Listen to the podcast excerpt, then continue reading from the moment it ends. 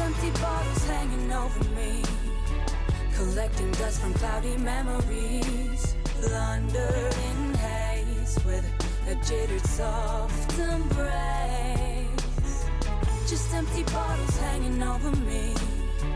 The taste of late consuming residue.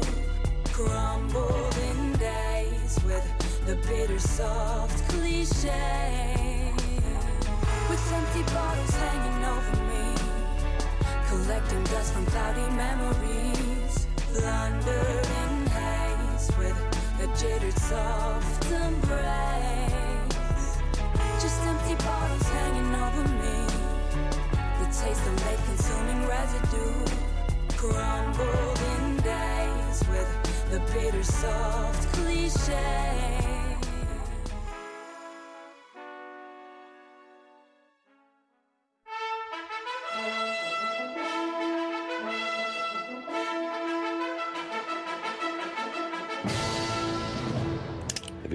Cool. You be cool. All right, you ready to have sex? We come in peace. We come in peace. You are the motherfucking Antichrist! We're gonna let you go, okay? Ok. Film er best på radio. I'm gonna make him an offer he can't refuse. Nova Noir.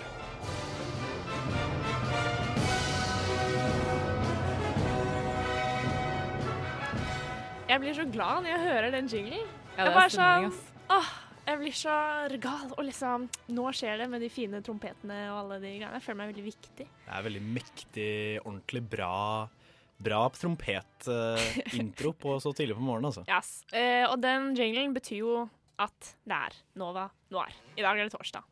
Den beste dagen i hele uka. Definitivt. definitivt. Eh, I dag skal vi snakke masse om film. Vi skal anmelde Kongens nei, for den kommer. Så vi bare så den. Jeg skal også snakke litt om Kubo og det magiske instrumentet, for den fikk jeg ikke anmeldt forrige uke, og det hadde jeg veldig lyst til, så jeg bare gjør den nå, for jeg bestemmer av sjefen. uh, og så skal vi snakke litt om uh, identitet.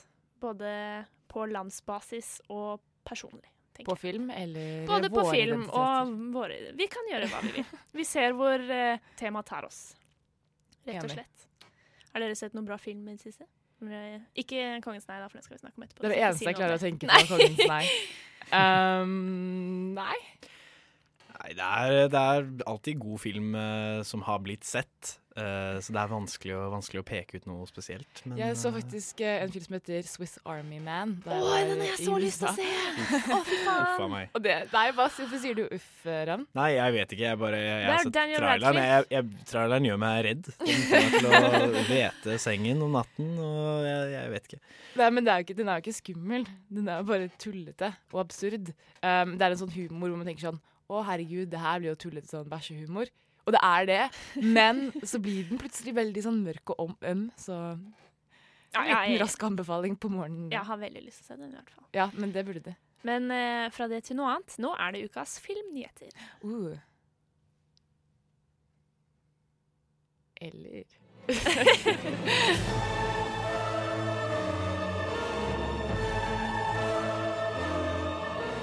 Well, hello, Mr. Fancy Pants. I got news for you, pal. You ain't leading but two things right now Jack and shit. And Jack left town. Nova Noir gir deg ukas filmnyheter. Men før vi kommer til nyhetene, jeg glemte jo helt å si Jeg heter Julie Oskar Andersen, og med meg i studio har jeg Miriam Poddan. og, Ravn Ness. og Henrik Slåen, som sitter bak pakene og er eh, teknisk eh, sjef i dag. OK, men nå, ja. Eh, nyheter. Jeg har Det er jo alltid superheltnytt. Alltid. Ja. DC og Marvel og shit, så jeg kommer liksom ikke utenom. Men denne nyheten er at Jared Leto kommer ikke til å være med i Justice League som jokeren. Og folk er litt sånn vil Vi vil ha Jared Leto. Men jeg er sånn Nei, han var ikke så flink. Det var ganske middelmådig i Suicide Squad. Det var ikke veldig fantastisk. Gjør meg ingenting. Men jeg. jeg følte at jeg hadde litt lyst til å se hvor, om det kunne bli bedre, hvis du skjønner hva jeg mener. Ja, det var Så- veldig lite. Du kunne ikke dømme det, på en måte. Nei, og jeg ble litt intrigued av hele karakteren. Ja, Altså, i, i liksom Sånn som han var så kjedelig. I den forstand at uh, Suicide Squad var den halvhjerta orgasmen som den var. uh, med tanke på all hypen og den, den anmeldelsen den fikk. da Spesielt også siden Jared Leto sine scener som The Joker i den filmen ble utrolig kutta. Sånn kjempemye av de tingene han spilte inn, ble kutta fra Oi. det siste produktet. Og han klagde jo veldig på det selv også. Ja, faen. Baby. altså. Uansett så tror jeg at eh, jeg, jeg skulle gjerne sett mer av han. Det er det jeg også tenkte, men det er litt risky òg, da. Men Ja. han kommer jo i uh, trolig solo Batman uh, Batfleck-filmen. Trenger vi både Batfleck og eh, Joker Lito? Joker. Folk, folket får aldri nok. Sånn er det. det er, vi er i en Så- æra. Ja, han dukker opp mest sannsynligvis der, da, bare ikke i Ok. Justice League. Og jeg er litt sånn eh, Det kommer til å være ganske mange helter i Justice League uansett, så da blir det sikkert bare hadde blitt en ny greie som Justice League med at det ikke hadde vært nok, og det ble dårlig allikevel. Så kanskje for det beste. Ok, En liten sidebar som kanskje ikke er innafor, for jeg har ikke lest noe om det. Men eh, har dere hørt den teorien om at eh, The Joker i Suicide Squad egentlig er sånn Robin? Oh, nei. Det er en teori der ute, og den var egentlig litt kul. Fordi hvis du, ser, hvis du analyserer tatoveringene på Jared Jok- Jo- Jokeren, så er det veldig mye som liksom pointer mot det. Og jeg husker ikke helt hva, ehm, men uh, jeg så en liten video om det. Og da var det sånn wow, fordi at uh, da han døde, så døde han egentlig ikke, men han ble sånn gal av den derre oh, ja. Eh, væsken, tror jeg. Og så kommer han tilbake og hater Batman. Ja, det, jeg jeg tror, har ikke troa på at de kommer til å klare å flette inn noen syke teorier i de neste filmene. I hvert fall ikke med tanke på Suicide Squad Nei. og alt det der. Nei, kanskje ikke. Men jeg syns det var litt gøy.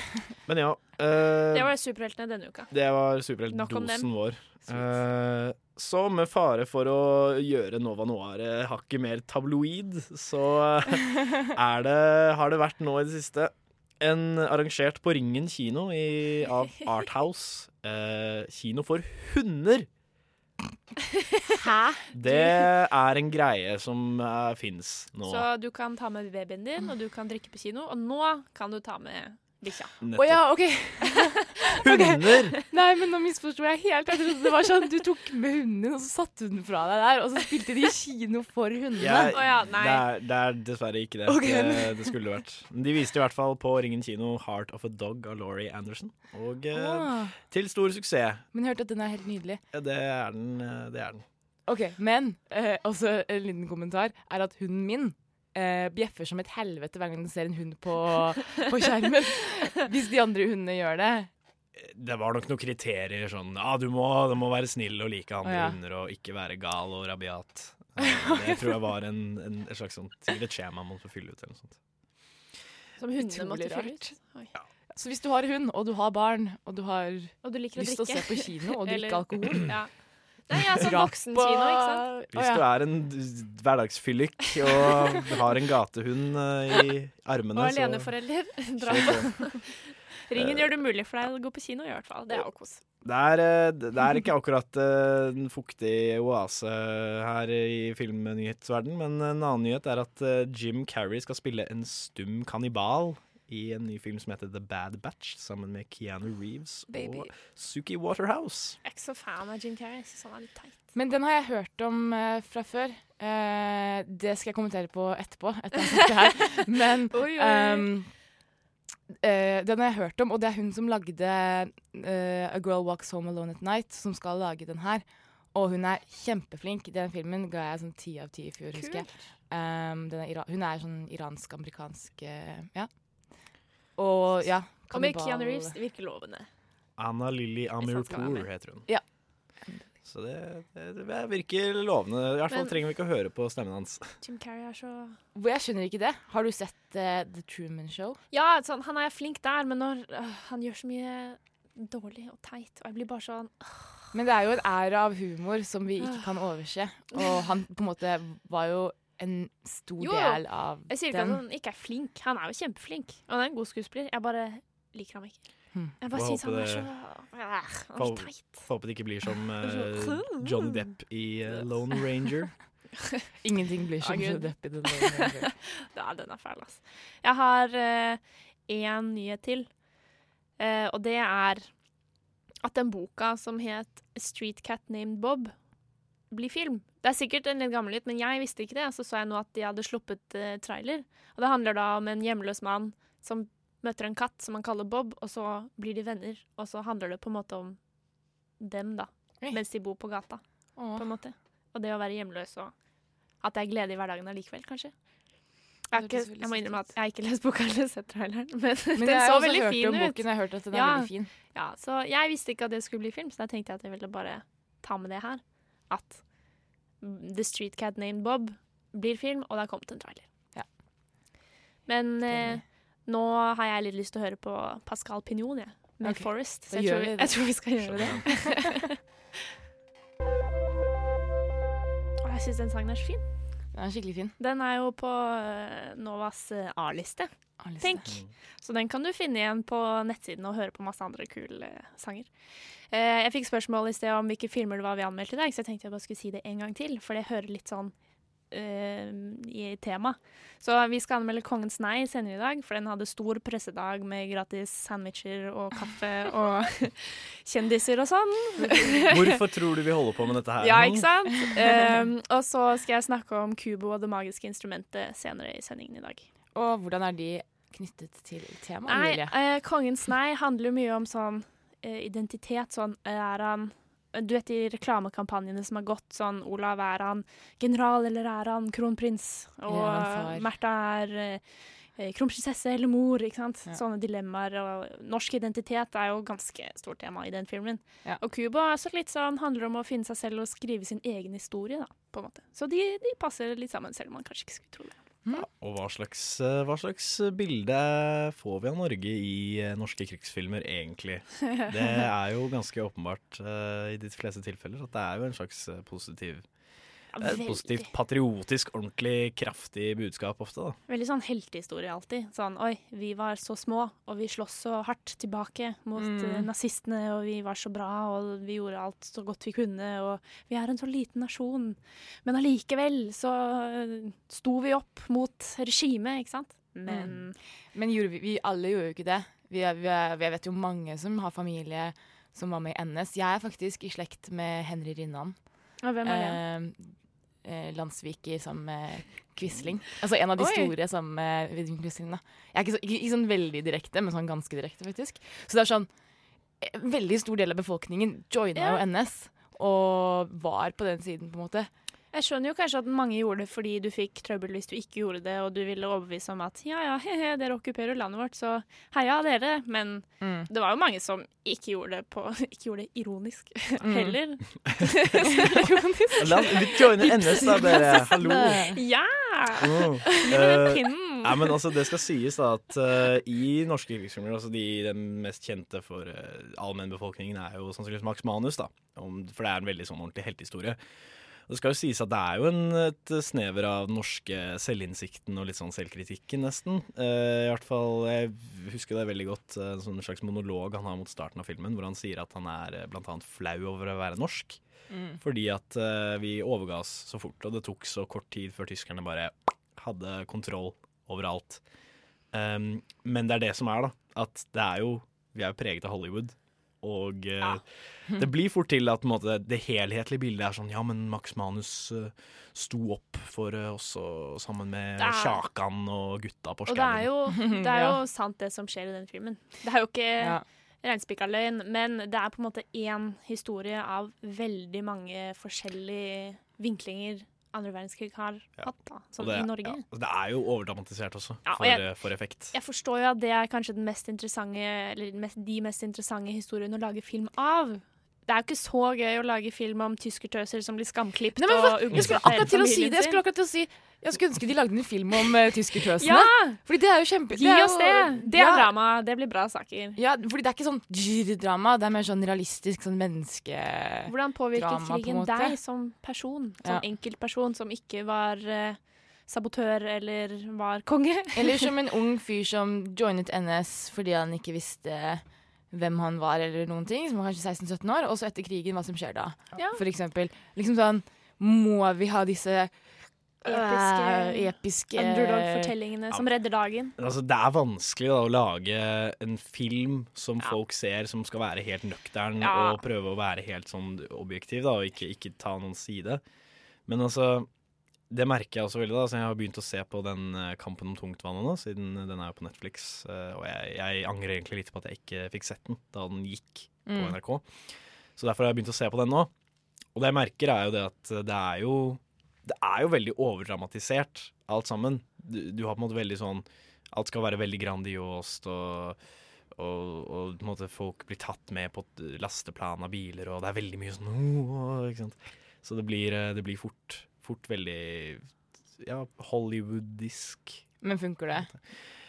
Akkurat i Kampen om tungtvannet så er det, det er veldig kult. Det er en veldig kul serie.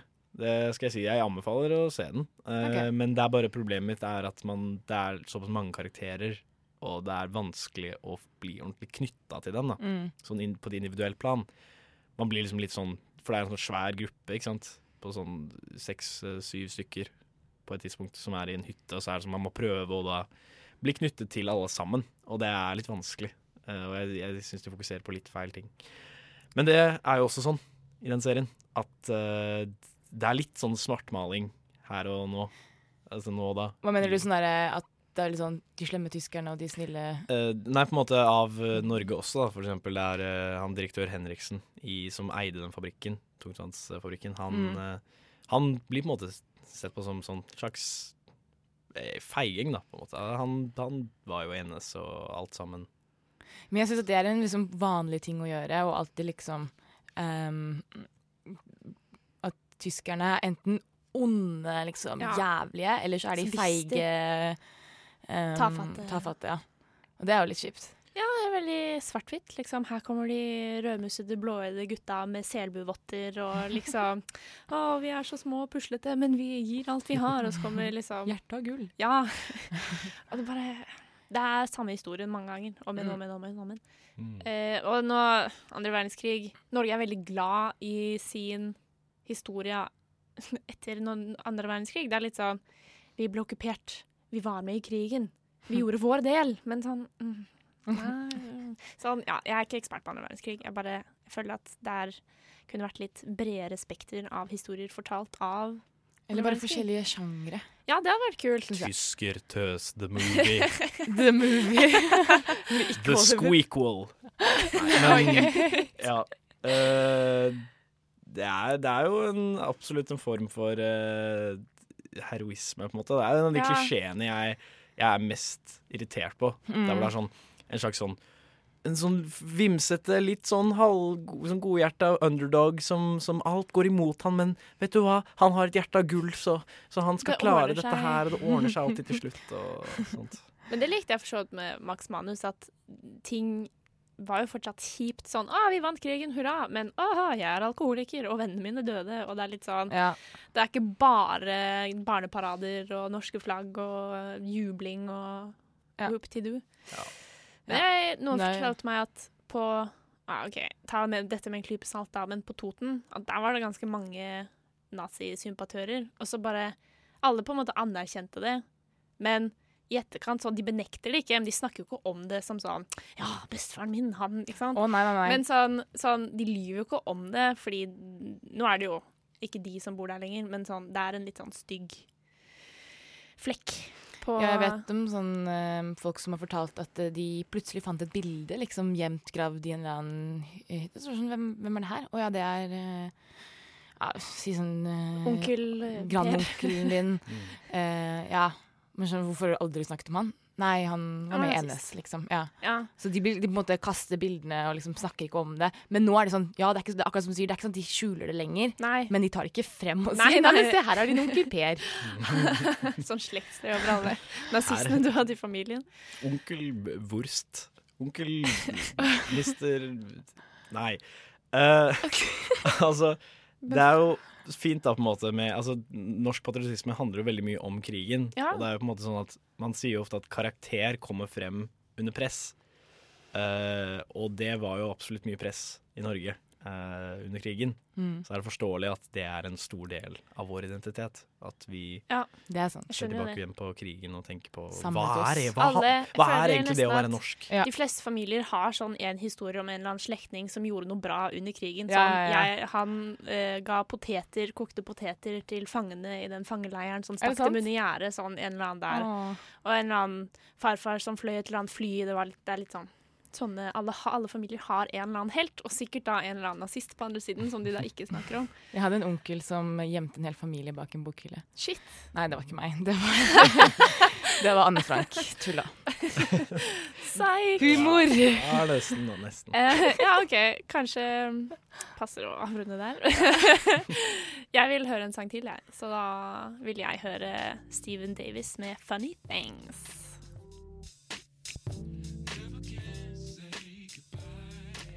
Det var altså Seven Davis jr. med 'Funny Things'. Men nå har vi snakket om patriotisme og veldig mye gøy, så nå er det endelig ukas kinopremiere med 'Kongens nei'.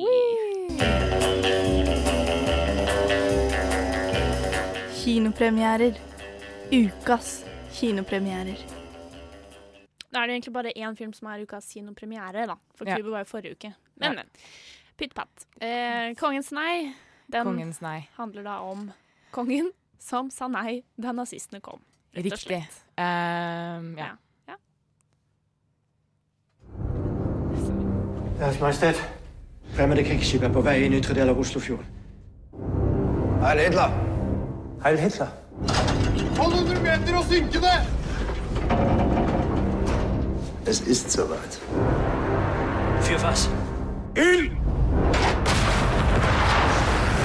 De brøt sin egen våpenvilje, og så vil du sende min far tilbake igjen rett inn i løvens hule? Norge er i krig. Tyskerne har ett mål, og det er å ta kongen. Vår jobb det blir å stoppe tyskerne. De har gjort et veldig inntrykk på meg. At ansvaret for de ulykker, som kommer over land og folk, legges på meg. Det var altså Kongens nei vi hørte der. Litt eh, lang klipp, men den filmen er jo ganske lang. To timer og ti minutter. Ja. Føltes veldig lang. Eh. Og krig er kjedelig, ass. Og jævla historie jeg Skjønner ikke hvorfor Nei da, det, den, var ikke, den var ikke kjedelig. Det bare var Jeg følte det var litt mange subplott for at du skulle være enda mer dramatisk og spennende. Fordi historien i seg selv kanskje ikke var nok å ta av, da, sånn filmatisk. Fordi eh, Bare sånn eh, For å si liksom hva det handler om, da. Ikke fordi det er jo krigen, som du sa. Eh, men det handler om liksom fra den dagen når eh, Tyskland invaderer Norge, eller, eller erklærer krig, Ja, 8. april. 8. april, 8. til 9. april. og til 9., og så er det gjennom da eh, Det var ikke så veldig lang tid det gikk over. tre-fire dager, noe sånt. Ja, en, ja. Ja. Um, og alt sirkulerer rundt da den daværende kongen, kong um, Harald. Håkon. Håkon. Håkon den syvende. H7. Håkon den syvende. Han, den danske kongen som var den første demokratiske kongen valgt til Norge. Eh, kom fra Danmark med kodena Maud. Og så er, det, er han da gammel og har eh, blir bestefar barn, og ja. leker masse med de barna. Og følte de spilte veldig på det. Sånn, hvor glad han er i barn, og hvor ivaretagende han er, og for en fin konge vi hadde. Og Mm, veldig. Um, ja, og så er det også en av hovedpersonene, da, kong Olav, eller den, som, han som blir kong Olav, kronprins da. Um, og de to karakterene og samspillet mellom de og deres valg. Og fordi på den tiden så hadde jo også monarkiet bare en sånn type symbolsk rolle. Ja, fordi man hadde jo regjering og demokrati. Ja. Uh, men allikevel så på en måte prøvde jo filmen å understreke det at eh, liksom viktigheten av monarkiet også. da. ja, at uh, det var litt splid mellom uh, Håkon og Olav. Fordi Olav hadde Mm. sagt hele tiden at vi må jo, tyskerne kommer hit, og vi må jo mobilisere oss og se hva som skjer. Men det var ingen som hørte på dem, for de er jo bare monarki. ikke sant? De er jo bare Mm. kronprins og konge. Eh, og kongen Håkon sier da at det er viktig at vi kan ikke bare gå imot regjeringen nå. Vi er Nei, i krig. Vi kan ikke splitte landet da. Regjeringen er jo folket. Ja. Vi, Men jeg følte- vi må gjøre som de vil. Men jeg følte allikevel at de liksom viste at liksom, folk hadde en stor respekt for monarkiet på den tiden. Veldig. Alle liksom reiste seg og Bukket og neiet. Kongelig Jeg, majestet. altså, og, jeg vil jo anta at eh, kongens nei hadde noe kraft, med tanke på at det er det tittelen på filmen er. ja. Jeg visste veldig lite om det her, plutselig, skjønte jeg, da jeg så den filmen. For jeg trodde bare at nazistene kom, kongen sa nei, og så dro de til England. Sånn på en dag. Jeg trodde det var liksom ganske sånn tjut, tjut, tjut. Ja. rett frem. Alle bare nei, ass. Og så dro de. Men uh, det var ikke det. det Nei, ass. Men altså, det er jo det krigsfilm. Det er jo det krigsfilm og historiske dramaer handler om ofte. Det er folk, Ja. folkeopplysning. Ja, og det var det jeg lurte litt på. Um, liksom, kommer den her til å lære meg noe som jeg ikke lærte i 9. klasse på ungdomsskolen? Liksom? Men den gjør jo det, og den tar det til et veldig sånn menneskelig relaterbart nivå. Fordi man liksom ser kongefamilien som mennesker, da. Og Ja. man ser på en måte eh, han som eh, eh, Ja, altså kong eh, Haakon, spilt av eh, Jesper Christensen. Chris Jo, Christensen. Christensen. Det er to Christensen og Christiansen. Nei, Fordi ja. Ander, eh, Anders Basmo Christiansen spiller jo da kronprins Olav.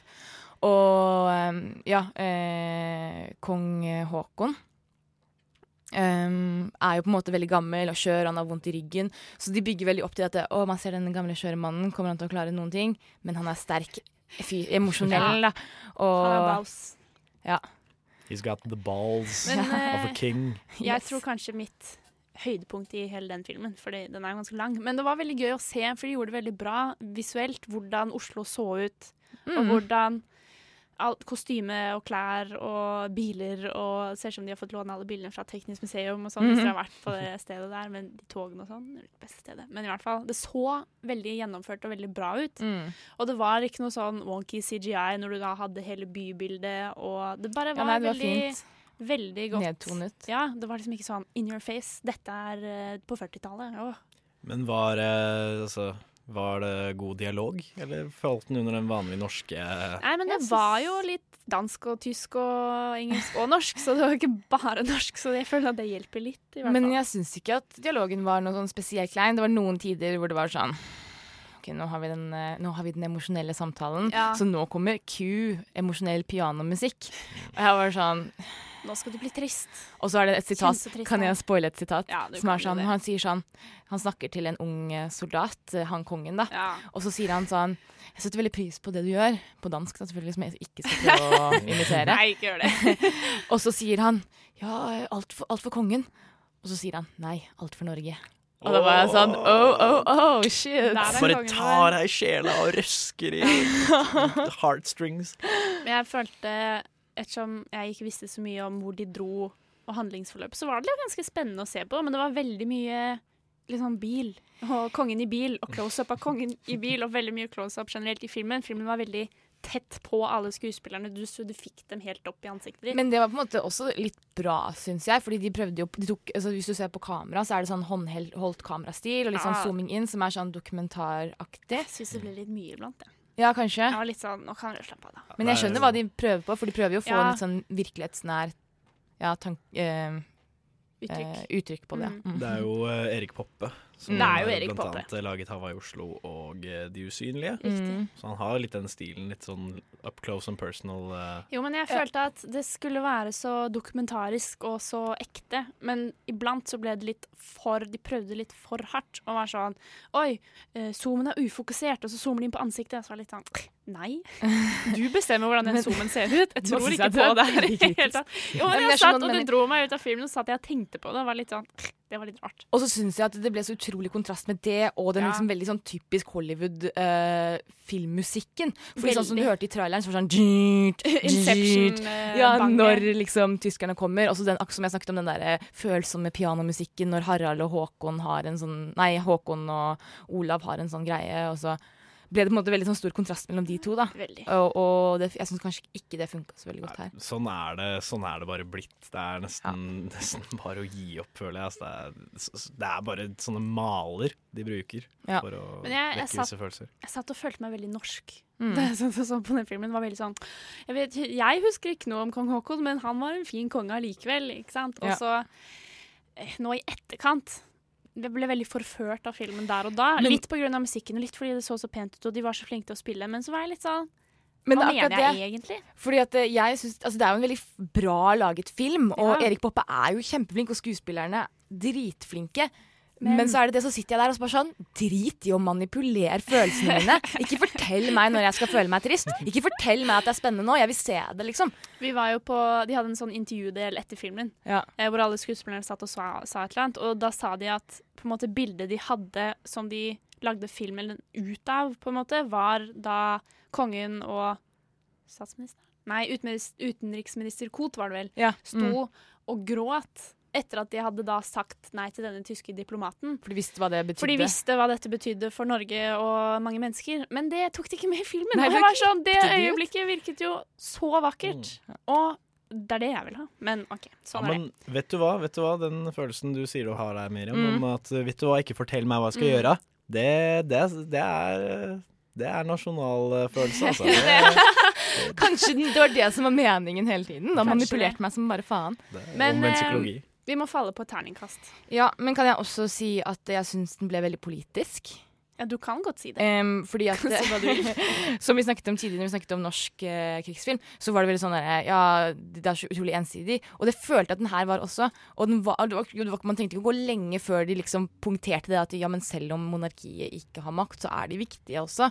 Så da følte jeg i hvert fall i disse tider av når vi har uh, liksom diskusjon rundt om vi burde avskaffe kongehuset, så føltes denne filmen ut som veldig sånn derre.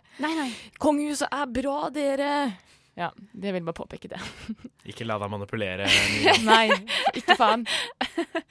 Eh, Men når det er sagt, så tror jeg det er mange som kommer til å ha det, eller bli veldig underholdt av den filmen her. At de kommer, mange kommer til å se den og synes at Oi, det var bra film! Liksom han Komme ut av kinosalen og være helt sånn wow. Men Den eh, hva, hva, hva sier du, Miriam? Er, det, er den verdt å se? Ja, du kan få bestemme Okay, eh, verdt å se. Uh, ja, definitivt verdt å se.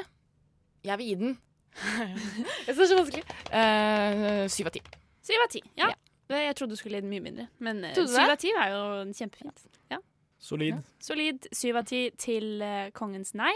Men nå er det Uffe med Whose Life. Det var altså Uffe med Whose Life, og det er litt sånn smooth sample-bonanza fra København-baserte Uffe, som sagt. Det er litt sånn musikk du kan legge deg i lenestolen med føttene på bordet og en kopp temperert kaffe helt til nazistene kommer og banker på døra di. og med det sagt, nå skal vi høre en anbefaling av American History X. My eyes have seen the glory of the trampling at the zoo. We've washed ourselves in niggers' blood and all the mongrels too. We're taking down the Zog machine, Jew by Jew by Jew. The white man marches on. Noen filmer er som et hardt slag i trynet. American History X er som en tirade av harde slag mot kroppen, og en filmopplevelse som kommer til å gi deg smerte langt inn i mellomgulvet. Nigga, you just fucked with the wrong bull. Come here! You should have learned your place on the fucking basketball court. But you fucking monkeys never get the message. My father gave me that truck, you motherfucker. You ever shoot at firemen? You come here, you shoot at my family? I'm gonna teach you a real lesson now, motherfucker. Put your fucking mouth on the curb. I American History X møter vi brødrene Derek og Danny Vineyard, mesterlig portrettert av henholdsvis Edward Norton og Edward Furlong. Filmen kom ut i 1998 og tar for seg et nynazistisk miljø i den amerikanske suburban. Derek Vineyard er den karismatiske og intelligente storebroren som havner i fengsel etter å ha nådeløst drept to afroamerikanere som prøvde å stjele bilen hans. Danny er lillebroren som følger i brorens fotspor. I hate the fact that it's cool to be black these days. Good. I hate this hip hop fucking influence on white fucking suburbia. Good. And I hate Tabitha Soren and all her Zionist MTV fucking pigs telling us we should get along. Save the rhetorical bullshit, Hillary Rodham Clinton, because it ain't gonna fucking happen. Vi får vite at Derek har endret sin svært rasefiendtlige holdning i fengsel, og han prøver å bryte med sitt gamle miljø når han nå er kommet ut i frihet. I'm lucky. I feel lucky because it's wrong, Dan. It's wrong, and it was it was eating me up. It was going to kill me. And I kept asking myself all the time, how how did I buy into this shit? You know? And it's just because I was pissed off. Det er ikke så lett for Derek å komme seg ut av det nynazistiske miljøet. Broren hans Danny er svært fascinert av ideologien, og både gamle kompiser og ekskjæresten har store problemer med å takle det faktum at Derek har forandret seg etter tre år i fengsel. People out there, they've got a lot of respect for you, Derek. When you're ready, you ought to come and talk to me about it. Well, you can forget about that. I'm done with it, Cam. Yeah, well, I mean, I know you grew out of that shaved head bullshit a long time ago, thank God. I like your hair the way it is now.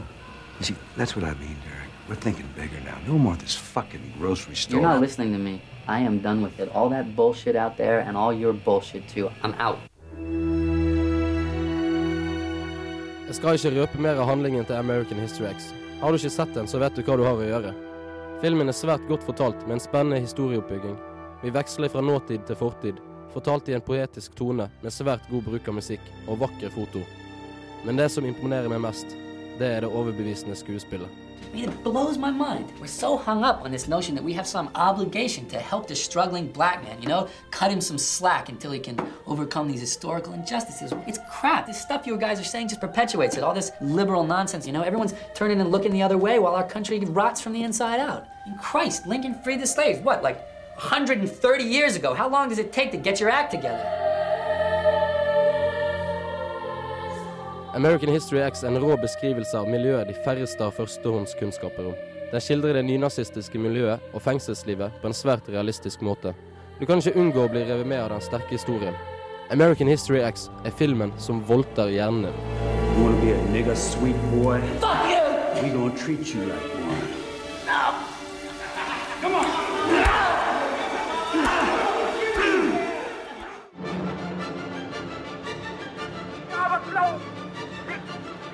Diesem nationalen Gebot, sei es direkt und indirekt widersetzen zu können. Der Feld Verräter hat sich erwartet. Radio Nova. Nazistradioen. Nei da. Ja, der hørte du eh, låta 'Billion Year Contract' av instrumentalduoen Aiming for en rike' Fra plata deres eh, Segway Nation, som kom ut nå for eh, ikke så lenge siden. Et par Ja. måneder siden, Er den, faktisk. er den bra? Absolutt. Absolutt verdt å sjekke ut. Drita bra instrumentalduo. De spilte på Øya, blant annet. Hvor er de fra? Kult. De er fra Norge. Fra Norge? Hey! Yes, det Jeg er ordentlig ja, Apropos temaet vårt i dag. Patriotisme og identitet. Hey. Nordmenn elsker jo Norge. Sånn, Vi elsker å finne ut hva andre syns om Norge. Typ sånn Oi, er du på utveksling her? Hvorfor kom du hit? Norge er så lite. Hvorfor kom du hit, da? Har du smakt boller? Det er litt sånn Altså, Vet du hva greia med norske folk er? Det er liksom, de, bare, de bare snakker ikke med fremmede. De bare ikke- ikke sitter på bussen, på bussen og ser rett foran. Ikke se meg. eh. Da blir jeg klein. Ja.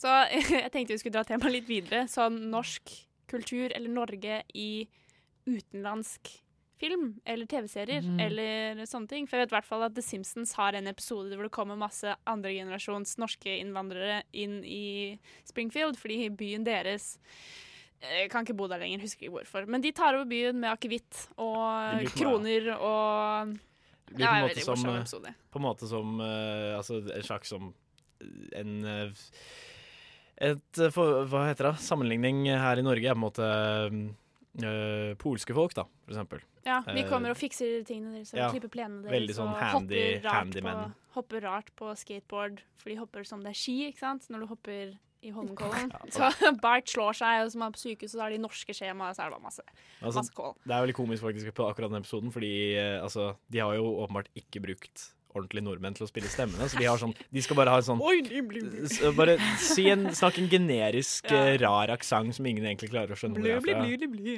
Eh, De er altså sånn at de nyser rart. De nyser sånn Jeg visste ikke at det, det var det en vekker greie. den norske folkesjela.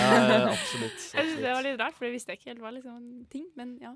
Nei, men altså, som tidligere nevnt, jeg har jo sett uh, Kampen om tungtvannet nå. Jeg driver og ser på den uh, for øyeblikket, og da er det jo veldig mye sånn eh, Veldig mye sånn eh, Hva skal man si? Ja, kommunikasjon mellom norske folk og engelske folk, og amerikanske og tyske og sånn. Og da er det sånn Merker man at man blir veldig Veldig ja, folkekjær, da, for sitt eget folk. At man merker at man har Norge har en plass i det store verdensbildet. Ja. Selv om vi er, vi er bare fem millioner skarve folk, men uh, Men jeg tror det er derfor vi er så glad i å høre og lese om oss selv, fordi vi er så små og ubetydelige, og vi er jo bare super filthy rich, og olje renner ut av ørene, og det er jo litt sånn det beste stedet i verden å bo.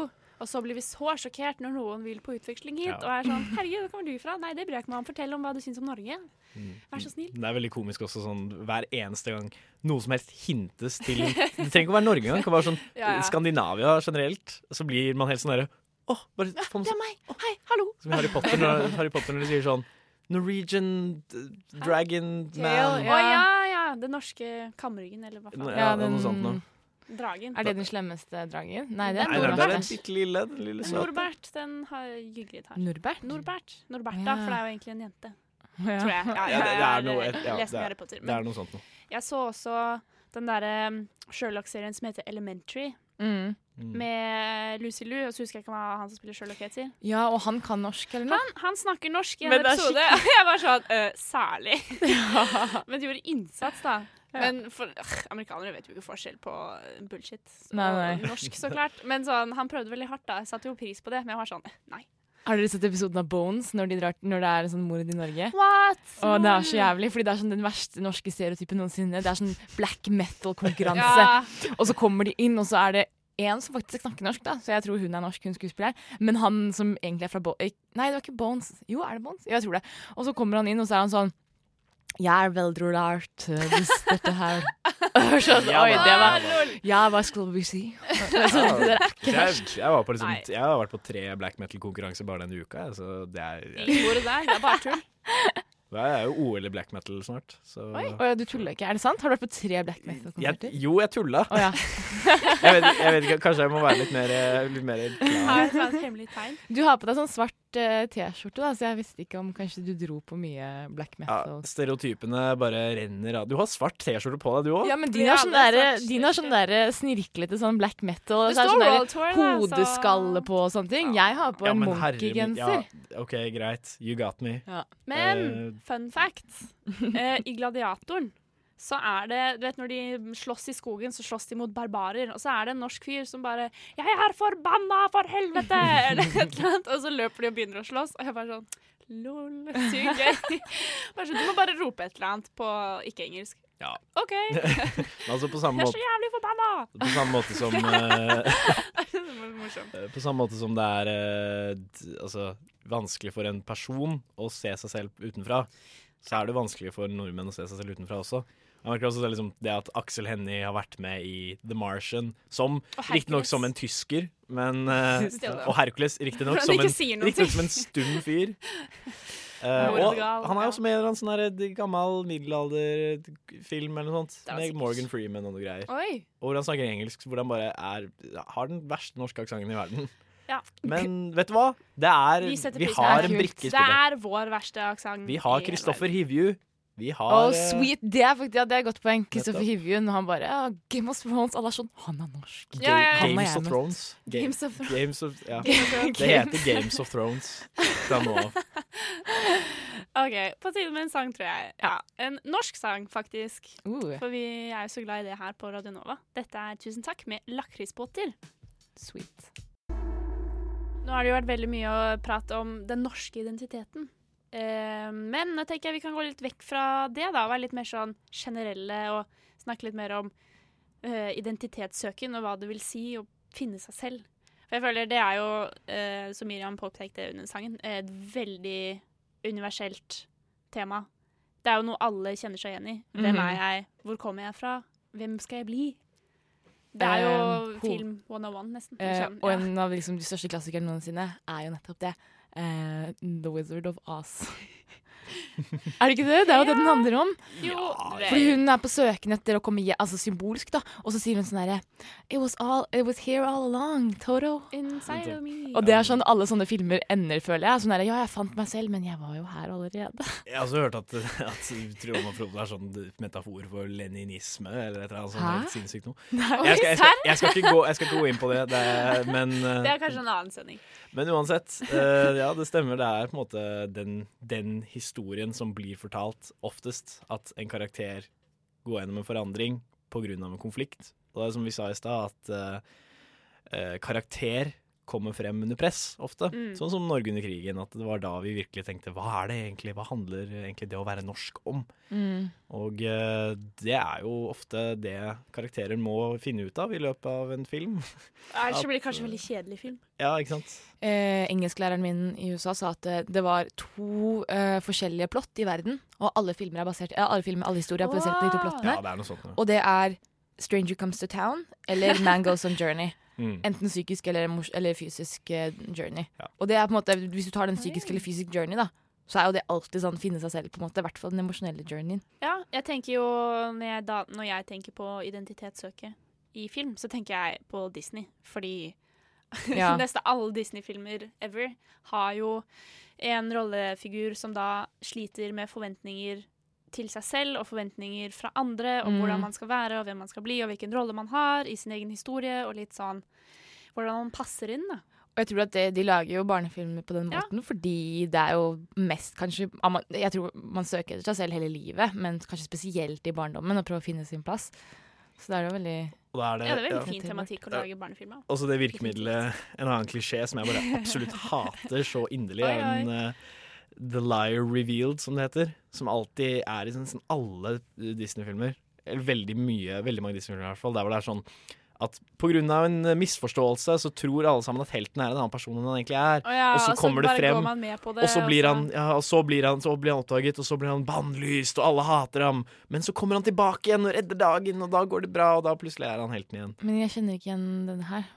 Kan, du eksemplifisere det? I for eksempel eh. Småkryp, eller Bugs Life. Skjer det? tror jo ikke, Hva er det de misforstår med Altså det er det at han, han lurer alle til å tro at de sirkusfolka er, Å ja. eh, Å ja, sånn, slemme? ja. At, de, at, at de er krigere og Ja, sånn. ja. OK, ja. Sånn, miss, sånn noen tror at de er noe annet enn det de egentlig er, Ja. og så må de spille med på det, og så Sånn som i Zootopia. Ja. Eh, veldig. Men Når han tror at, det er, at Så blir han på en måte den slemme, eller hun blir den Ja. slemme, og, så, og så kommer de tilbake fordi de redder dagen. Men det er sånn som i jævla romantiske komedier også, at det alltid er sånn Ja. en misforståelse. Ja, og så, ja, ja. og så Det er blir så det billig plot-device. Alt kan ordnes bare ved litt prating. På en måte. Ja. Men vi, jeg tenker også på en annen film som tok meg litt på senga da jeg så den. Eh, som er 'Perks of Being a Wallflower' Ja. med Emma Watson, blant annet. Og For jeg trodde bare var det så var det sånn koselig sånn ungdoms coming of age-film. Litt sånn, Man blir litt forelsket, man finner litt ut av det, man får litt kviser, ikke sant. Men holy shit, den var jo kjempedyp Mm. og trist. Men ikke sånn cheap. Bare sånn veldig fin og vakker film. Den fanger veldig den spiriten man har på videregående. Og hvordan, hvordan man skal klare å finne sin plass og sin gjeng og sine, sine ting. da. Ja. Jeg synes det veldig, jeg gjorde en veldig bra jobb eh, på akkurat det. Ja, faen, jeg digger den filmen. Den er, veldig, den er veldig mørk uten å være sånn Ja, Nå skal den- vi spille på følelsen Ja. din mørk. jeg liker jo Miriam. Ja, ja, ja, jeg må men, finne eh, ut selv hva jeg ja. føler. Ja. Og så er den jo veldig eh, Veldig Ikke ja, litt. men ikke for tung. Ikke sånn billig tung. Ikke sånn Det tar deg, tok meg da veldig på senga da jeg så den, for jeg trodde den skulle være litt sånn lett og grei og en fin film, men den var bare fucking masterpiece. Eh, jeg så den med kjæresten min, og vi satt der og bare «Åh, Hva er dette for noe? Herregud, å nei! Uh, uh. Ja, det, er- det er bra. Det er sånn filmer skal være. De skal, de skal overraske deg. Ja, Det den, eh, den var kjempebra. Men eh, nå vil jeg høre en annen sang. Vil dere høre en sang? Ja. Gjerne. Vi hører en sang. Vi hører Ole Funken med 'Bablevann'. Now, if any of you sons of bitches got anything else to say, now's the fucking time! Nova Noir sier ikke annet enn det som er verdt å si om film. I didn't think so. Jeg elsker Lucy Lou. Hun er Bay. Eller, ja. Kraftig, kraftig performance der, altså. Er Jeg tror ikke jeg har sett den filmen. der. Det er film Kill Bill. Jeg har ikke sett eh, Kill Bill. Jeg vet. Jeg tror det er den eneste Tarantino-filmen jeg ikke har sett. Eller de to, da. Oi, oi, oi. Ja, jeg vet. Da- Det er kjemperart. Jeg skammer meg. Har du sett toeren, da? Eller sånn? Du kan Nei. ikke bare ha sett toeren og ikke Nei, det er de to. Jeg tror jeg har sett alle de andre, faktisk. Men ja, flott. Vi er fortsatt på identitetssøken her. Det er vi. Vi I vet film. ikke egentlig hvem vi er. eh. Nei, vi Hvor vet skal ikke. vi? Skal vi steder? Hvem La oss finne det ut. Uh, det er uh, Altså Vi er jo en eh, identitetssøkende art i aller høyeste grad. Vi liker jo å bli Kanskje spesielt fortalt vår generasjon. Vi liker jo å bli fortalt hvem vi er, Eller på sånn. Ja. Hvem syns du at jeg er? Og er det bra? Forhåpentligvis. Men føler du at det er liksom et symbol på Eller sånn et resultat av velferden, velstanden vi lever i? Fordi liksom hvis man under krig Ja, eller man gjorde kanskje det under krig nå. Jeg bare tuller, jeg. Men jeg tenkte sånn, hvis man liksom strever etter å overleve, så sitter man ikke og tenker på selvrealisering. Nei, Liksom. dette er jo da den klassiske behovspyramiden til Maslow vi kom inn på. Eh, Ja. Så selvrealisering og identitet er jo på toppen. Ja. Men, Men, eh, men altså, identiteten gjennomsyrer jo på en måte alle disse, disse Ja. leddene i den pyramiden. Man har jo alltid en slags følelse av eh, hvor man er og hvor man kommer fra, og Men- hva slags preferanse man har da, innenfor forskjellige ting. Ja, men kanskje sånn som du sier uh, om eksempel under krig, da, så kommer karakterer, liksom din identitet, sterkere ut og frem. Kanskje når det er sånne tider som det her, hvor vi bare har altfor mye velstand og altfor mye sånn derre uh, Alt er så chill og sånne ting. At det er nå vi begynner å sånn derre Hvem faen er jeg? Vi klarer ikke å finne oss selv, fordi at vi er så uh, Jeg blir kjent med meg på. Instagram. Følg meg på Snapchat. Kanskje Men- man bare burde velge et, uh, velge et medium å være. Sånn, vet du hva, jeg er Instagram-profilen min. Det er meg. Nå skal jeg leve gjennom den. Ja, Men så- apropos, så uh. Apropos Instagram, følg Nova Noir eh, 993 på Instagram. Bare sånn plutselig. Finn ut hvem vi er, i hvert fall. Ja. uh, vet du hva Og så kom tenkte nå, litt spontant, uh, på sånn identitetssøkende film. Sånne filmer om folk som reiser ut i skogen for å finne seg selv. Ja. Sånn type Into the Wild eller Wild. Ja, å, den er fin. eller Captain Fantastic. Eller ja, The Mm. list goes on. 127 hours. Ja, ikke sant? Litt sånn du Jeg vet ikke om han uh, prøver å finne seg selv, da. Han Men mister seg selv, på en måte. Bokstavelig talt. Æsj. Oi. Eh, Men man, eh, det er jo litt uh, en sånn motsatt, på en måte. For man møter seg selv i møte med andre. Men i sånne filmer så trenger man på en måte å fjerne seg selv fra eh, impulser for å finne ut hvem man er liksom, i kjernen. For sånn, jeg må fjerne Jeg må bare bli kjent med meg selv. Ja. På, ut på tur.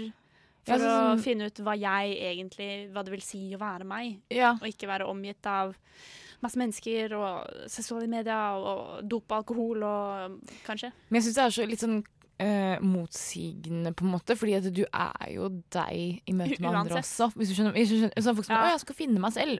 Men du er jo deg selv. Du er bare kanskje en litt mindre sikker versjon av deg selv, men du er sånn Du går jo på skole, og du er en søster og en bror og en uh, datter. Du er deg selv. Slutt å prøve å søke eller etter noe sånne, bedre, liksom. Sånne mennesker som bare 'jeg er meg selv 110% Ja, det er jeg, da. Følg med neste sesong av Paradise. Man kan jo argumentere for at uh, man ikke er seg selv fullt og helt med mindre man er alene.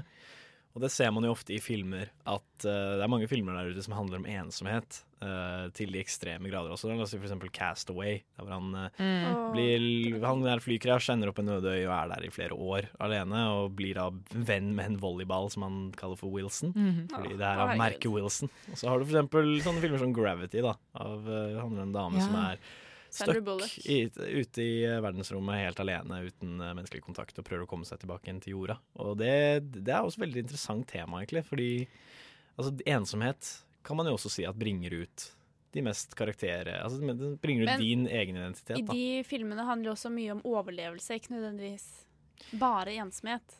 Tenker jeg, da. Kanskje. Ja. Og så er det jo folk som oppsøker ensomhet med vilje, som uh, Reece Witherspoon i Wild, som du Mm. nevnte, som jeg så, som jeg syns er veldig bra. Men jeg likte veldig godt det han sier i den der Into the Wild, da. Mm. Den- Han, med Emil Hirsch. Eh, Oi, oi, eh, så sier han, det er liksom på en måte litt konklusjonen, da. Hold for ørene hvis du ikke har hørt sett den. eh, er sånn Happiness is only real when shared. Og det er liksom det han kommer frem til. Så hele reisen hans er det at han vil bort fra samfunnet, men så når han blir stuck bort fra samfunnet, så vil han bare tilbake. Wow. Ja. Dypt. Ja.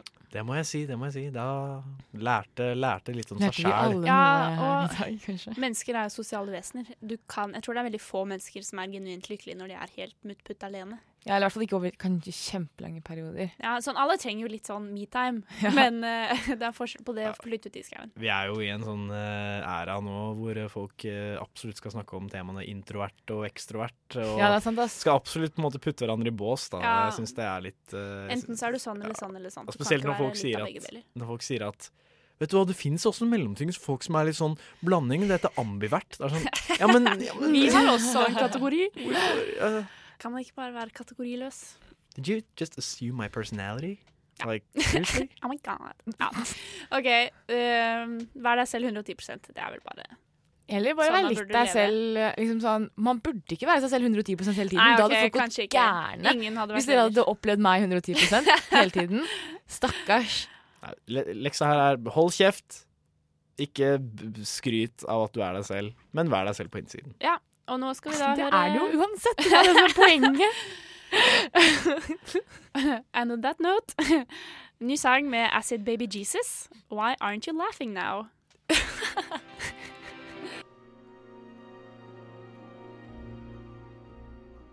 Ukens kinopremierer.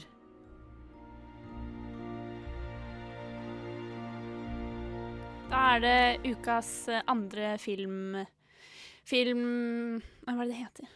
Anmeldelse! Jeg tenker at det er anbefaling anbefaling nok det der. Dette er egentlig forrige ukes, da. og Men den har du jeg, sett. Den har jeg sett. Men jeg så likte den filmen, så jeg vil uh, snakke om den. Men jeg syns det er veldig bra, for jeg har også hørt sykt mye bra om den, så vi burde egentlig ikke la den passere Nei, uten en liten Nemlig. Og jeg føler at dette ikke er en film alle ville gått og sett, da. Naturlig fordi de tenker oi, den passer for meg, for jeg er voksen. Eh, Fordi det ser veldig ut som en barnefilm, for det er jo dukke stop motion, det her. Eh, for det er laget av studioet som heter Laika, som også var de som lagde Coraline, blant annet. Som jeg elsker. Som eh, kom Ja, nå er den vel en stund siden. Vokste opp med den, da, i hvert fall. Og den er skikkelig creepy og skikkelig ekkel og har ganske mørk tematikk. Og det følger mange av filmene deres, og gjerne med hvordan barn og foreldre forholder seg til hverandre og den relasjonen. Og jeg syns alltid det er veldig fint å se på i film. Eh, de har også kommet med Hva var det? The Paranormans og Box Trolls og Ja. kanskje en til. Men det husker jeg ikke i farten. Men eh, i hvert fall, jeg, ikke, jeg så bare Box Trolls, da, men jeg syns fortsatt Coraline er bedre av de to. Men nå får du vite, da. Er Kubo Har den tatt eh, og, Kaka. eh, Tatt kaka, rett og slett. Hvem er egentlig Kubo? Ja. Og hva er egentlig greia med det magiske instrumentet? Vel, Kubo er en liten gutt som eh, er på flukt fra hans onde bestefar som prøver å stjele øyet hans. Hvordan var min far? Han var akkurat som deg. Sterk, morsom og veldig kjekk. Mor! Men magien har du fra meg. Kan jeg fly? Mitt navn er Kubo. Dette er min historie. Fiendene dine er ikke langt bak! Magien din er det eneste som kan beskytte oss. Du må lære deg kontroll. Slipp! Sier du noen gang noe oppmuntrende? Jeg oppmuntrer deg til å ikke dø. Jeg oppmuntrer deg til å ikke dø. Eh, jeg så da den på norsk, så derfor jeg tok traileren på norsk. Fordi vi fikk eh, Det var et intervju med skuespillerne også, blant annet hun som er Alfa fra Sesam Stasjon, som spiller en sånn gammel dame. Så det var veldig kos. Og jeg var sånn Å! Alfa? Ja, Alfa. Uff. Nei, Leonora. Unnskyld. Ikke Leonora. Alfa. Oh, ja. Ja. Eh, Så det var litt sånn Litt sånn kult å se, da. Men de snakket om dubbeprosessen og hvordan man må tilpasse språket, og at det er veldig mye mer krevende enn det man skulle tro. Så jeg satt og var litt ekstra obs på det i filmen, da. Og det er jo hun eh, Jeg kan jo ikke navn på noen. Hun uh, Fritt Vilt-skuespilleren. Hun som Ingrid Bolse? Ja. Hun har eh, stemmen til moren til Kubo, og det er da på eh, på oslosk eller østlandsk, så det var litt vanskelig å få henne å legge om, for hun er jo trønder, tror jeg. Ja, det er, ja, ja. Så, Å, hun er så kul. Jeg elsker henne. Ja, men vet du hva?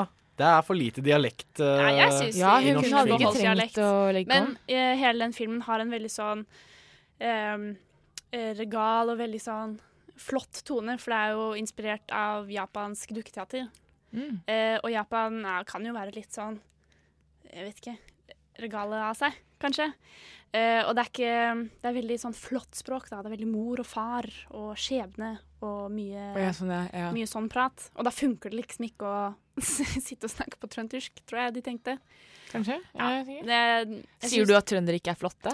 Det er ikke det jeg sier. Det er ikke det jeg sier. Elsker trøndere. Trøndere for life. Men uh, var, eh, virket det som altså, Var skuespillet bra? Var det ordentlig Skuespillet var bra. Det var noen ganger hvor jeg var litt sånn eh, der var det litt rart. Men, eh, så jeg ville se den på engelsk også, for da er det jo Charlize Theron som er eh, Uh. moren, og mange andre store skuespillere. Jeg syns alltid det er gøy å sitte og se på en sånn um, film med stemmeskuespill, og så kjenner jeg igjen mm. Oi, det er jo den stemmen! Å, hører du hvem det er, eller? Haha. Og så sier kjæresten min hysj, når vi er på kino.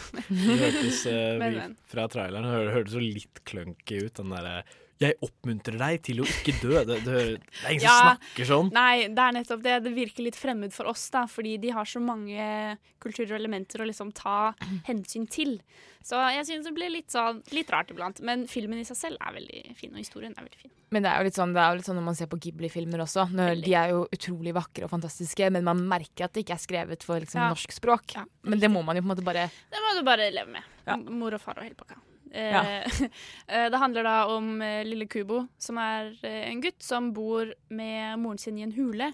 Eh, og hver gang når det blir natt, så må han eh, løpe og gjemme seg, for da ser måneko kan månekongen se han, som er bestefaren hans. Og da vil han stjele det andre øyet, for han tok det ene øyet da han var liten. Så de Oi. er på en måte på flukt fra den slemme familien til Kubo som vil prøve å ta øyet hans, da. Og sånn gjøre han, gjøre han en av dem. Det er også sånn i Coraline. Det er akkurat samme greia. Laika Skal prøve å ta, øynene, liksom. ja, ta og stikke ut øynene på hverandre. Ja, det er creepy. Jeg tror Uh, det beste jeg syns med denne filmen, her er at den er så utrolig vakker å se på. Og alt er gjort analogt. Det er ikke Altså, det er litt CGI for å få det til å blende og se bra ut, men det er dukker.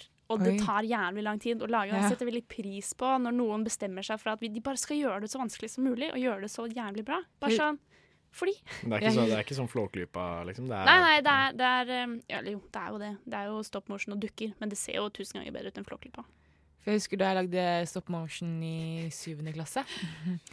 Så ble jeg så syk... Det er sånn, I starten så er du skikkelig flink og bytter Ja. litt og litt og masse frames per minute. Men så blir du så jævlig lei, og da blir det bare sånn Ja, jeg vet, det ser veldig hakkete ut, Ok, Okay, jeg vet ikke, det- Dere så kanskje ikke hva jeg gjorde nå, men jeg lagde en sånn robot-lignende bevegelse. Det, det skjedde ikke med denne filmen her, da. Den var utrolig vakker å se på. Men noen ganger så følte jeg at den kanskje var litt for kort, for den hadde veldig store skift i tonen i filmen. Og det er veldig klare kapitler, da, på en måte, og det er en veldig sånn heltehistorie om å finne seg selv, eh, finne ut hvem han er i forhold til familien sin. For faren hans til Kubo er død, og moren hans har slo hodet, så hun er, begynner å fade bort, og han er litt sånn 'å nei', og så Så dark er han, Ja, den er skikkelig dark, men så forteller han sånne vakre historier, og så har han magiske krefter som gjør at han kan brette papir til forskjellige figurer, og så forteller han historier med dem i byen og tjener penger sånn, og så kommer plutselig de ekle tantene hans, og så må han dra på flukt, og det skjer masse greier. Ja, men vet du hva? Barna skal traumatiseres. De skal det. sånn, Det- Ikke det er en putt del skumle av ting under stol. Det er, dannelsesprosessen. livet er skummelt. Det skjer dritt, på en måte. Så ja. Det er, Det er eh, sant. eh, Jeg ble over, Eller jeg ble ikke overrasket, for jeg vet jo at Laika lager bra film. Men eh, jeg tror jeg kanskje hadde litt høye forventninger, så den var ikke så bra som jeg håpet den skulle være. Men den var fortsatt veldig bra film, og det er ikke noe du ville se hver dag. Nei. Vil du Eh. gi den eh, på en skala fra 1 til 10? Jeg faller jo på syv av ti, da. Ja. Som vanlig. Shit. Den er like bra som Kongens nei, da, med andre ord. Ja, jeg vet ikke helt om de kan sammenlignes. Men, Gjerne eh, se dem etter hverandre og tenk litt over eh, livet ditt. Ja. Nå Nok med det. Nå vil jeg høre en sang. Dette er Savant med 'Carnival'. Der hørte du Savant med låta 'Carnival' fra hans nyeste plate Vubs. Vubs? Vubs. Eh, helt gæren, gæren type. Bra mussa. Kongeopplegg. Ja, det var kult. Veldig poppete. Eller sånn glad. Absolutt. Jeg liker glad musikk. Eh, vi går litt videre på temaet. Jeg nevnte til at jeg liker veldig godt Laika-filmer. Eh, og da Coraline, og det er på en måte en del av min identitet. For nå, hvor alle har mulighet til å se på film og TV-serier, og det finnes overalt, og du er ikke avhengig av å bare ha TV og NRK lenger, på en måte, for å ha noe til felles med andre mennesker, så er det jo film og TV blitt en veldig stor del av folks identitet, da, føler jeg. Det er litt sånn Hæ, liker du ikke den? Ah, vi kan ikke være venner, for du ser ikke på Game of Thrones. Det er veldig sånn Eller sånn hvis man da ser på samme serie, men liker den av forskjellige grunner, er det fortsatt sånn Herregud, du tar jo helt feil, jeg kan jo ikke snakke med deg engang. At det er litt sånn hjertesak. Litt sånn Åh, jeg elsker Parks and Recreation. Det er uh, yndlingsserien min. Og så bare Ja. Hæ, den er kjempedårlig. Og så bare «Ah, hater deg. Og så Man bruker det liksom for å finne venner. Og Ja, likesinnede gjennom Netflix og film og ja. Popkulturen har jo alltid vært en sånn uh, bonding-greie. da. Altså, sånn, det er jo nå i det siste blitt en veldig stor del av på en måte, den overfloden som vi har Ja. av kulturelle ting. At hvem som helst kan lage nesten hva som helst hvis de bare vil. Uh, hvis, de har, hvis de bare har skapervilje. Uh, Ja. Og hvem som helst kan se på hva som helst pga. alle streamingtjenestene og sånn. Så man har veldig stor mulighet da, til å liksom, måtte forme veldig, veldig mm, sånn detaljert sin egen identitet basert på hvilke serier og hvilke ting man ser på. da. Jeg ville heller dømt deg på Netflix-profilen din enn på datingprofilen din på Tinder. liksom. Så, Er det sant? Det sier meg mer om deg som person Ja, enn hva vi kan gjøre når vi henger sammen. Oi. På nesten, da. Nesten. Ja, ja. Ikke at jeg er på Tinder. Jeg har kjæreste, men du vet. Det er- eller Eller Nei da. Det sier jo litt om uh, samfunnet at vi dømmer hverandre ut ifra, ut ifra profiler og ut ifra beskrivelser på nettbaserte tjenester.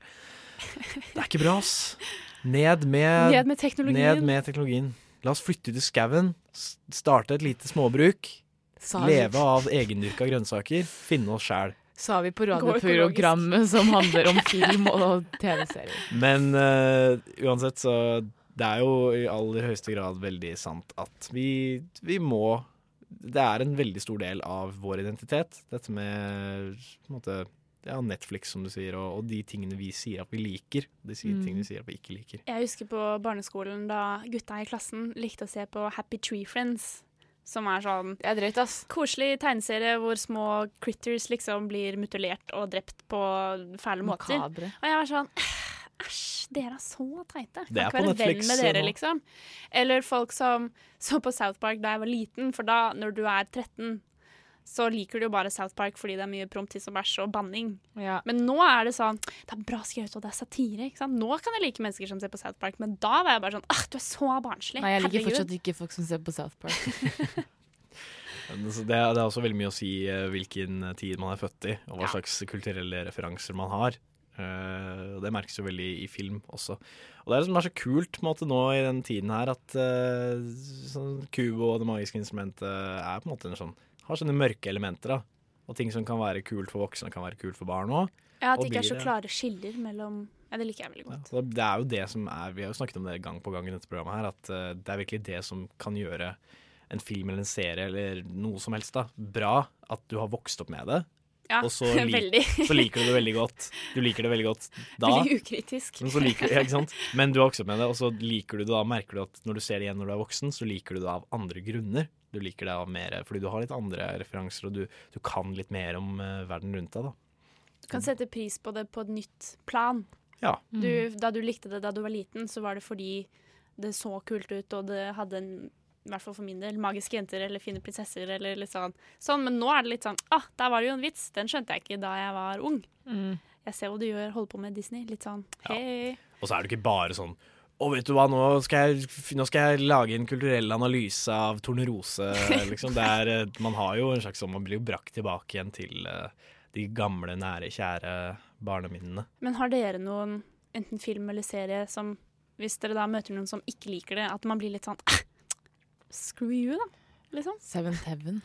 Hvis noen liker Seventh Heaven. Nei, hvis de ikke liker det. Hvis de ikke liker det. Wow. Jeg så veldig mye på det sånn etter skolen da jeg kom hjem. Jeg har ikke sett på det i etterkant, så jeg kan ikke egentlig si om jeg liker det eller ikke. Det gikk alltid før, kong, gikk alltid før MacGyver. Ja, Så MacGyver jeg fikk alltid er med meg slutten. Det kommer reboot, eller remake, med Ja, han som spiller Havoc i X-Men. Kommer re reboot av alt. Så. Ja, så vi får se på det. Men du da, Aron, har du noe nære hjertebarn i filmverden?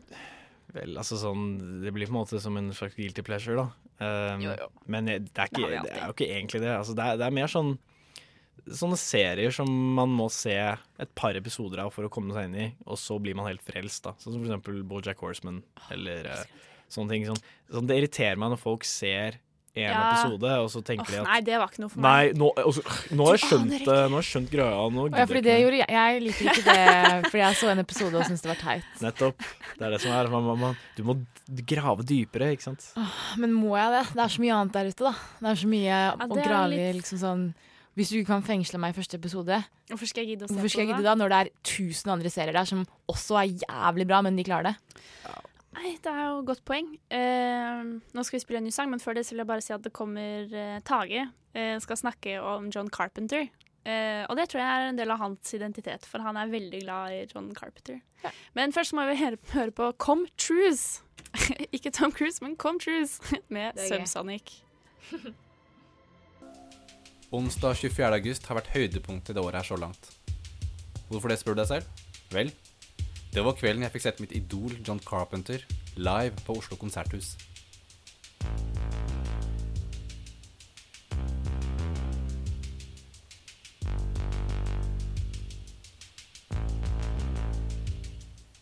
Carpenter har regissert flere ikoniske filmer gjennom tidene, men han er mer enn bare en genial filmskaper. Han er også en helt unik musiker som har komponert mesteparten av sin egen filmmusikk. Det du hører nå, er musikk fra en av hans tidligste filmer, 'Attack on Precinct 13', som var låta han startet konserten med. Det som slo meg når jeg satt der blant det sortkledde og langhårete publikummet, var ikke bare hvor ikonisk og original musikken til John Carpenter er, men også hvordan musikken i filmene hans fungerer som sin egen karakter.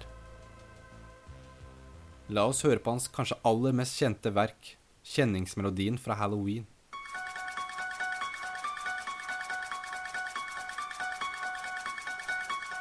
Du får frysninger nedover ryggen, ikke sant? Carpenter bruker kontrasten mellom bilder av rolige og trygge nabolag i USA, sammen med denne stressende og ubehagelige musikken, for å fortelle oss at noe fryktelig er på vei. Denne frykten manifesterer seg i Michael Myers, en rømt mentalsykehuspasient som kun er ute etter å forfølge og drepe våryre tenåringer.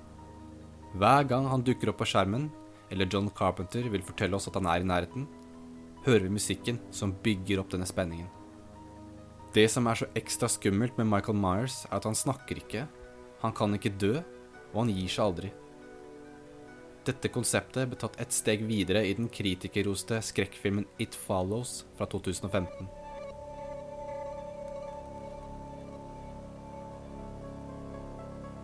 It Follows er helt klart inspirert av Halloween, både i stemning, cinematografi, omgivelsene og ikke minst musikken.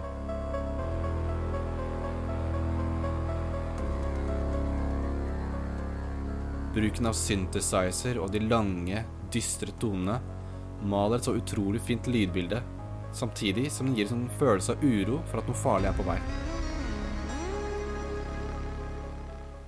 Det er artisten Disaster Peace som komponerte musikken til It Follows. Og i et intervju med RueMorg.com forteller han at John Carpenter var en klar inspirasjonskilde for å skape sounden til filmmusikken. Når jeg tenker meg om, så var det en Netflix-serie som kom ut i sommer som var fylt med masse deilig syntmusikk.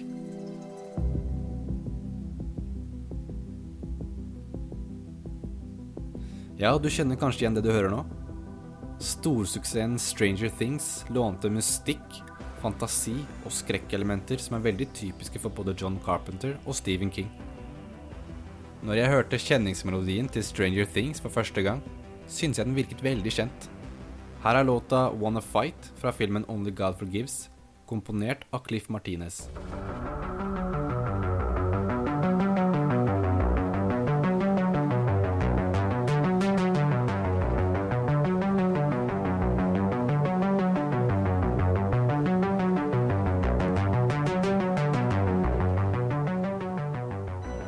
Hva syns du?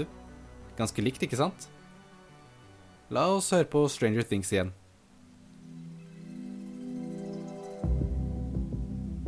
Den er litt roligere, jo. Ja, mangler litt orgel, kanskje. Ok, nok digresjon. For de som ikke kjenner til Cliff Martinez, er han en komponist som spilte trommer for Red Hot Chili Peppers på 80-tallet. Han er kanskje mest kjent for sitt tette samarbeid med den danske regissøren Nicolas Winding Reffen, som har laget filmer som f.eks. Drive, Only God Forgives og den aktuelle The Neon Demon, som gikk på kino nå i sommer. Cliff Martinez har sagt i et intervju med Film Music Mag at de nevnte artister som John Carpenter og Goblin når de diskuterte soundtracket til The Neon Demon. Ifølge Martinez er hans oppskrift for originalitet å stjele fra to kilder for å så skape en ny ting. John Carpenter er en bra fyr å stjele fra. Det som gjør John Carpenter så bra, er at filmene hans er så originale og kompromissløse. Fra de praktiske effektene i The Thing til å hente inspirasjon fra drømmer til å skape utseendet til romvesenet i They Live. Dette, kombinert med utrolig god visuell fortellerkunst, har ført til skapelsen av horrorikoner og kultklassikere som fortsatt påvirker popkulturen den dag i dag. Kan ikke du gjøre meg og deg selv en tjeneste og se en John Carpenter-film i kveld? Du vil ikke angre. God film.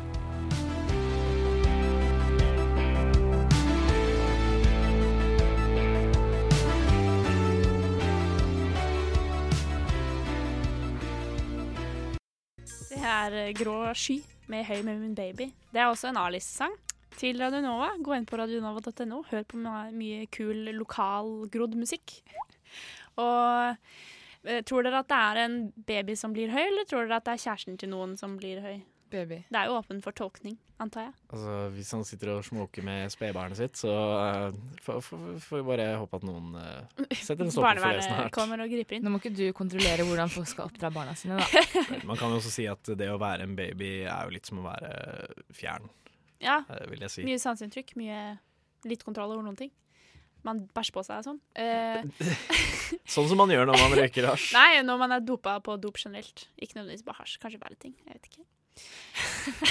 til noe helt annet. Vi snakket om identitet og film, og hvordan vi bruker film til å liksom skape vår egen identitet og finne ut hvem andre er. Men så lurte jeg på om dere kanskje hadde noen Um, filmminner eller TV-serieminner som betyr noe litt sånn ekstra, fordi det var en spesiell opplevelse akkurat da, på en måte. Hvis dere skjønner hva jeg spør om. Ja, jeg husker jeg var på førpremieren til eh, Harry Potter 6. Oi. Eh, det var inne på Akershus festning. Jeg vet ikke om dere har vært eh, Åh. der og sett. Det er en sånn bitte liten, Dammen bitte liten innsjø. Ja, en Ja, ja, liten Karpedammen. dam. Ja, Oi. det er vel en dam. Jeg, jeg, jeg liker å huske den som en innsjø. Eh, men det var vel en liten dam, da. Eh, så var det et lerret på andre siden. Og det, det var ganske hypa stemning, fordi Wiltersen-tvillingene var der. Nei! Fikk eh, undertegnet eh, en oh, liten bok. Kødder du? Nei, ass. Å, fy faen. Jeg er seriøs, Det er helt liksom. Oh my God. Det er helt vilt. Selger på eBay, tjener masse cash. Nettopp. Um, men ja, så jeg var der, og så var det jo skikkelig kult fordi Altså d- dere vet den der greie, den store spoileren dere vet i Harry Potter 6. Harry Potter 6. vet, Ja. Liksom det der med at Ja, han ja. et eller annet noe, Det er en karakter som dør. Hvis du ikke har fått med deg det, så Synd for deg. Uh, uansett, da Humlesnurr døde Ja. hører på til sex, så begynte det å regne. Oh, Og den, wow. eh, jo. Oh my God. Og det regner både i på. Det regner også i filmen. Du kan ikke fake sånn Nettopp. stemning. Det regnet på filmen, regnet i dammen, så det ble dråper, og det regnet fra folks øyne. Oh. Så det, det var et eh, sterkt, et sterkt øyeblikk. Ah. Absolutt. Det tror jeg på. Jeg på. Jeg kan ikke toppe den historien. Nei, der. jeg syns minnet mitt var bra, men du får høre det etterpå. Ja, men du får gå først. Miriam. Jeg eh, Da jeg gikk i si 8. eller 9. klasse, så var det bestevenninnen min Hun eh, hadde en kjæreste, eller hun datet litt, eller var på En dealeren med Du vet greia. Eh, og han hadde en kompis, og vi skulle alle fire ut på kino. da Litt sånn dobbeltdateaktig, men jeg Mm. kjente kompisen litt sånn. Vi var venner. Ja. Um, og så hadde vi bare vært sånn Kan ikke dere være med på den filmen her? Um, og så var det sånn, ja, sure. De liksom brydde seg egentlig ikke noen ting. Uh, dette er en skikkelig dårlig historie, men det var det eneste jeg kom på. Um, uh, og jeg husker at de satt og sugde ansikt, uh, som uh, man gjorde på kino på den tiden. Og jeg, vi spiste godteri, da, jeg og han andre. Og så En delikat eh, situasjon. Uh, Ja. jeg er spent. Filmen Det er ikke så bra, skjønner du. Nei, OK. Filmen starter, og um, uh, Musikk, bla, bla. Eh, så kommer det sånn derre Sånn shot over uh, jorda, holdt jeg på å si, ikke over jorda, men over liksom et land eller et sted. eh, natur. Whatever. Plutselig så kommer det opp navnet eh, Miley Cyrus, og de bare Nei! Var det Og de ble så sykt sinte. De var sånn Tok dere med oss på the last song? og det var liksom Ja, helt jævlig. Og de var skikkelig sinte og så Men møtte oss skulle aldri bare igjen. kline uansett. Altså, Ja, Ja, der ble, den, der ble den broen eh, brent, ja. Nei, men Var det guttene som sa øh, og dro, eller var det venninnen din og typen hennes som sa øh, og dro? Å ja, nei, det var jeg og venninnen min som oh ja. hadde lyst til å se den, for vi okay. elsket Johanna Ja, ja. Montana. Og de visste at vi elsket liksom Miley Cyrus, og dette var i 9. klasse, no Så- shame. No Eh, shame, men no shame. vi elsket Miley Cyrus, og vi elsket også Nicholas Sparks-filmer. Aha. Eh, det var den God tiden. kombo. Ja. Uh, og de visste jo det her, så de bare Men de bare Hæ? Miley Cyrus, er hun Og vi begynte å le, ikke sant? Vi var sånn He-he, vi har lurt dere. ja. ja det er Og så ni- gikk niende klasse, altså. Ja. Nei, de gikk ikke Nei, Nei, jeg mente okay. at etterpå så var de veldig sure, og vi oh, ja. okay. Det ble ikke noe ut av dem, da, de to. Nei, jeg får uh, komme med et minne, jeg òg. Jeg har en del å velge mellom.